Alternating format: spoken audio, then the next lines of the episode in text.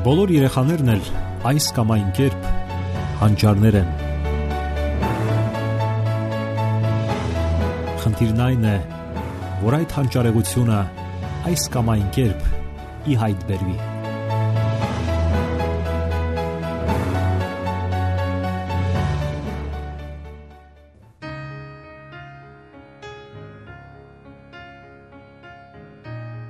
Բարև ձեզ սիրելի ռադիո լսողներ, եթերում դասյարակություն հաղորդաշարն է։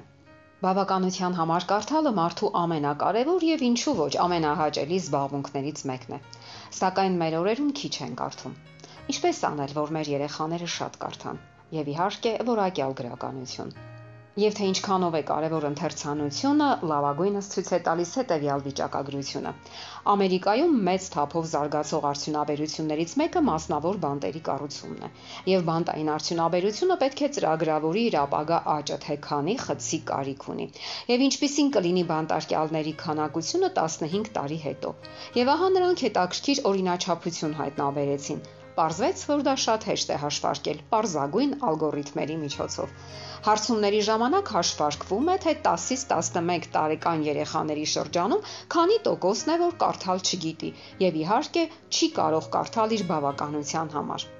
Այս վիճակագրությունը իհարկե չի նշանակում, թե կրթվածների մեջ հանցագործություն չկա։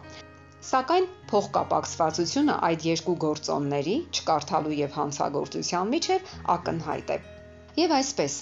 ինչով է օգտակար ընթերցանությունը։ Ինչու պետք է ծնողները շահագրգռված լինեն, որ իրենց երեխաները ընթերցասեր լինեն։ Ամենից առաջ կարդալու ժամանակ աշխատում է մեր միտքը, երևակայությունը նույնպես։ Մեկ այլ հարց է, որ այն պետք է մաքուր, որակյալ սննդով ապահովել։ Ընթերցանությունը հատկապես հետաքրքիր գրքի հետ նման է ճանապարհորդության։ Ասենք ինչ որ մեկը դժբախտության մեջ է ընկել, ելք է որոնում։ Մեր միտքը աշխատում է, մենք հերոսի հետ ենք։ Կամ ինչպիսի որոշումներ է ընդունում հերոսը։ Մի քանի անգամ ճաշակելով ընթերցանության բավականությունը երեխաները չեն կարողանում կտրվել դրանից։ Եվ այսպես, ինչպես անել։ Գտեք նրանց համար հետաքրքիր գրքեր։ Քանի դեռ փոքր են, դուք կարդացեք նրանց համար այնպիսի պատմություններ, որոնք առավել շատ կհետաքրքրեն նրանց։ Ասենք որ հերոստացույցը երբեք էլ չի կարող փոխարինել ընթերցանությանը։ Հերոստացույց դիտելու ժամանակ ձեր երևակայությունը չի աշխատում։ Դուք ստանում եք ամեն ինչ պատրաստի վիճակում։ Իսկ ահա կարդալու ժամանակ ձեր միտքը ինքն է ստեղծում պատկերներն ու տարածությունը։ Դուք ճանապարհորդում եք անծանոթ վայրերով, սլանում ապագայի մեջ։ Դուք նույնիսկ սկսում եք անբավարարվածություն զգալ ներկա կյանքից եւ սկսում եք ինքներդ կերտել ձեր շրջապատը։ Ասում են, որ անբավարար մարդիկ են վերափոխում աշխարհը, ովքեր տեսնում են իրականության ներկայիս սխալներն ու թերությունները եւ աշխատում են ապագայի վրա։ Նաեւ ի՞նչն է պատճառը, որ մեր երեխաները չեն կարդում, որովհետեւ շրջապատում գիրք չկա։ Ընտանիքում կամ էլ մոտակայքում գրադարան չկա եւ ոչ էլ խրախուսվում է ընթերցանությունը։ Հայկական ընտանիքներում օրինակ հատկապես խորհրդային միության տարիներին գիրքը իսկապես հարգի էր, հարստություն էր։ Եթե նույնիսկ շատ չէին կարդում, յուրաքանչյուր ընտանիք ուներ բավականին պատկառելի գրադարան, եւ երեխաները մեծանալով շփվում էին գրքերի աշխարհի հետ։ Այո, ընթերցանությունը գիտելիքներից բացի կարելի է համարել եւ ժամանց, եւ ապաստարան։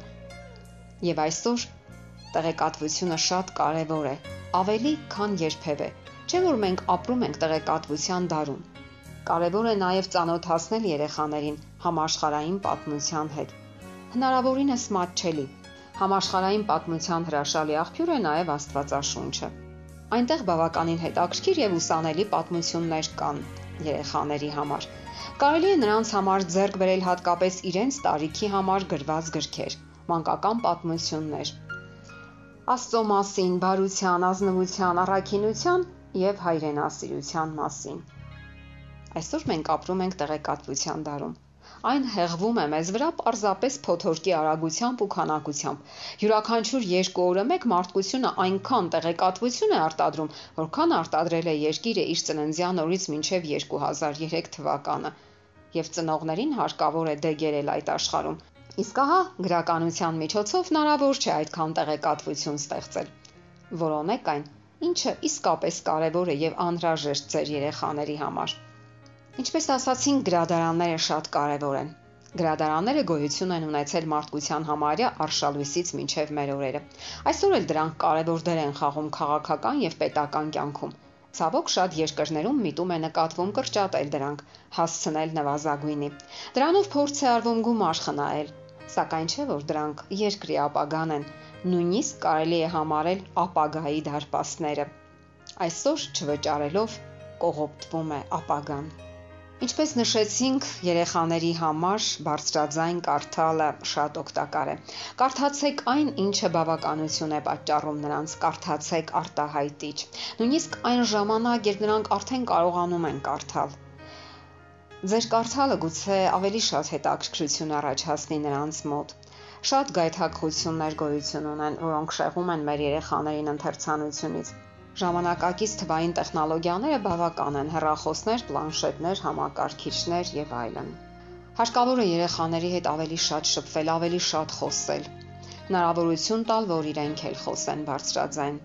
Հարկավոր է օգտագործել լեզուն որպես կենթանի իր, որը մտքեր է արտահայտում, գաղափարներ կերտում։ Եվ վերջապես ունեցեք բազմազան գրքեր եւ հնարավորություն տվեք երեխաներին հաղորդակցվելու գրադարանների հետ։ Ձեր տանը իր առանձնահատուկ տեղը պետք է ունենա, ինչպես արդեն նշեցինք, Աստվածաշունչ գիրքը։ Դե ինչ, դեպի ընթերցանություն։ Սիրելի ռադիո լսողներ, եթերում դասերակցություն հաղորդաշարներ։ Ձեզ հետ է Գեղեցիկ Մարտիրոսյանը։ Ձեզ ուզող հարցերի համար կարող եք զանգահարել 093 00 63 27 կամ 094 93 55 77 հեռախոսահամարներով։